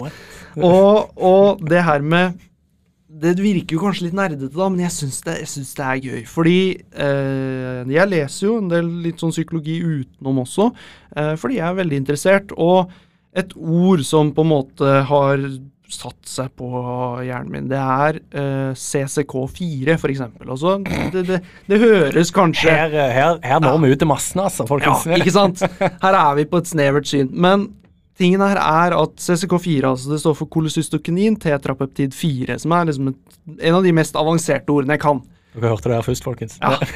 Og det er et ord jeg bruker faktisk for å vise da at selv om det høres ganske vanskelig ut, så er det ikke så vanskelig. For hva er det det egentlig er? Jo, det er et angstfremkallende middel. Og, og selv om ting kan virke ganske skummelt også i starten, at shit, det her ordet her, jeg klarer ikke å uttale det engang. Så det kommer seg og bare Ok, klarer du kanskje ikke å uttale det, du klarer å skrive det, og så lærer du hva det betyr. Dette henger vel kanskje sammen med et poeng som hoppet litt over, dette med engelsk. Det er jo egentlig snakka om litt. altså sånn, Noen syns kanskje det er litt vanskelig at det er så mye litteratur som er på engelsk. nå. Jeg tror det er mange førstestudenter som får litt sjokk, eh, rett og slett fordi det kan være. Ja, Ja. nå, det jo, nå skal det jo endre litt på studieplanen eh, til eh, førsteårsstudentene. Men i hvert fall sånn som det har vært nå, så har de hatt eh, ett fag hvor boka har vært på engelsk. altså man, De har da hatt fire fag, eh, hvor da ett av de har vært pensumbok på engelsk. Og mange syns det kan være litt vanskelig. Eh, rett og slett det her med å klare å begynne å lese engelsk på det de studerer, ikke bare lese engelske tekster og bøker. Mhm. Og vær litt forberedt på at Og da når jeg sier, når eh, studentene jeg har undervist har sagt det, da, at eh, det her er vanskelig, så sier jeg at man må på en måte jobbe med det. fordi neste semester det er alt på engelsk. Da er til og med forelesningen på engelsk. Høyere utdanning er ofte nok veldig Altså sånn Det det er jo Mange av de er jo forskningsretta. Ja. Og miljøene er ofte engelske. Så sånn, det er jo ikke forsker du nødvendigvis kommer til å bli, men det kan godt hende det blir noe helt annet. Men uh, ikke vær redd for dette med engelsk. Nei. For du er ikke nødt til å skrive på engelsk Nei, nei, på eksamen eller på, eh, på innleveringer. Er Alltid mulighet til å skrive på norsk. Det må dere ikke være redd for, men uh, dere må definitivt være forberedt på at det blir en del lesing på engelsk. Og det tror jeg ikke det kommer til å skje noe med med det første heller. Jeg tror jeg kan uh, love de som hører på, at uh, for de som skal begynne å studere psykologi, da, så kommer det til å være en del ord og uttrykk som de kan på engelsk, forstår og kan bruke, og har ikke sjans til å oversette det på norsk. Jeg skriver jo alt på engelsk. Jeg Altså, mm. jeg er jo så miljøskadet så det holder. Jeg skrev master på, jeg skal skrive masteren min på engelsk òg. Jeg skriver alt på engelsk gjennom hele linja, egentlig.